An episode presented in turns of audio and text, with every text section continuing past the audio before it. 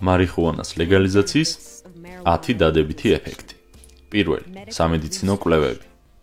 მას მერე რაც კოლორადოში 2012 წელს მარიხუანა ლეგალური გახდა, ამ სცენარის სასარგებლო სამედიცინო თვისებების გარშემო კვლევა განახლდა და ეს შტატი მარიხუანის საკვლევ ცენტრად გადაიქცა. ეს მცენარე ოფიციალურად დასახელდა როგორც სხვა სააფთიაქო წამლებზე ბევრად უსაფრთხო საშუალება. მეორე, აკრძალოს ყურადღება გადააქვს მნიშვნელოვანი საკითხებიდან.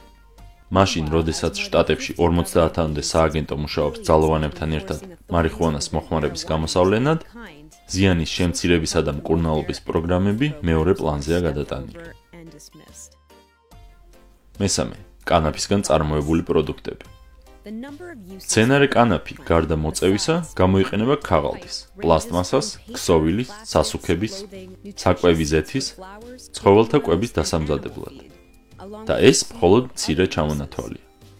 იმის გამო რომ მისი მოყვანა ჰერბიციდებს არ საჭიროებს, კანაფი მარტივად იზრდება ნედლეულად გამოყენებისთვის. იგი გლობალური მასშტაბით ბიომასის ნომერ პირველი წყაროა. კანაფისგან შეიძლება საწვავის წარმოებაც, რაც შეამცირებს ნავთობის მოხმარებას და გააუმჯობესებს კლიმატს. მეოთხე, ნარკოკარტელებთან ბრძოლაში გადაყრილი ფული. შტატებში უზარმაზარ თანხებს ხარჯავენ ნარკოტრაფიკის გამოსავლენად და კარტელებთან საბრძოლველად. მაშინ, როდესაც უზარმაზარი სარგებელი შეიძლება ნახონ ამის ბიზნესად გადაკეთებით, მათი დაბეგრვით და მარიხუანას ისეთივე რეგულირებით, როგორც ალკოჰოლს ვარეგულირებთ. მეხუთე ადამიანის ძირითადი უფლებების აღდგენა. ადამიანებს ციხეში ვსვამთ იმის გამო, რომ ისინი საკუთარ სხეულში რაიმე ნივთიერებას უშვებენ. ალკოჰოლის კრიმინალიზების მაგივრად, რომლის ზიანით დიდი დოზების დროს და ავტომობილის მართვისას განუზომელია, სახელმწიფო კრძალავს სცენარის, რომელიც კვლევების თანახმად მრავალხრივ სასარგებლოა. საზიანო ნივთიერებები, რომლებიც უნდა დარეგულირდეს.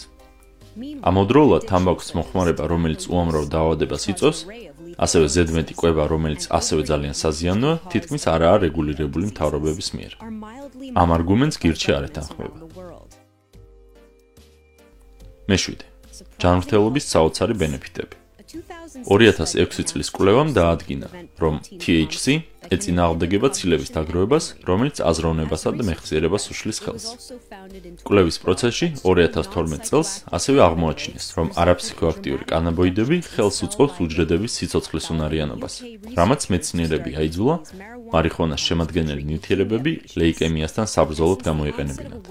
ხოლო მას მერე რაც დეპრესია ოფიციალურად აღიარეს დაავადებად, ასევე დადასტურდა, რომ მარიხუანა დეპრესიის სიმპტომებსაც ებრძვის. მერვე კრიმინალის შემცირება.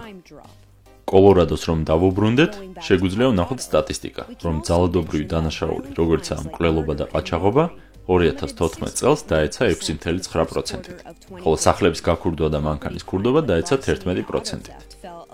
ამან დაანგრია ის მითი, რომ ლეგალიზაცია გამოიწვევდა კრიმინალისა და ნარკომოხმარების ზრდას.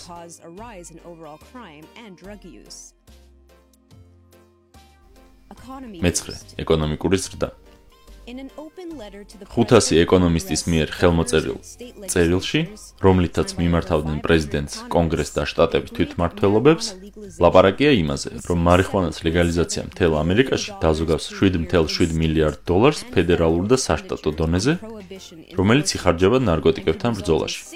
ხოლო მარიხუანას თამბაქოსავით დაბეგრვის შემთხვევაში მიღებული გადასახადი ბიუჯეტს 6.2 მილიარდ დოლარს მოუტანს. მეათე ნაკლები დაპატიმრებები.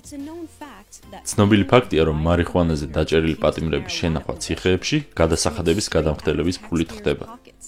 მარიხუანას გამო დაპატიმრებულების გათავისუფლებით ეს ფული შესაძლებელია უკეთეს რამეში დაიხარჯოს. პლუს ამას ახალი ციხეების აშენების საჭიროებაც გაქრება.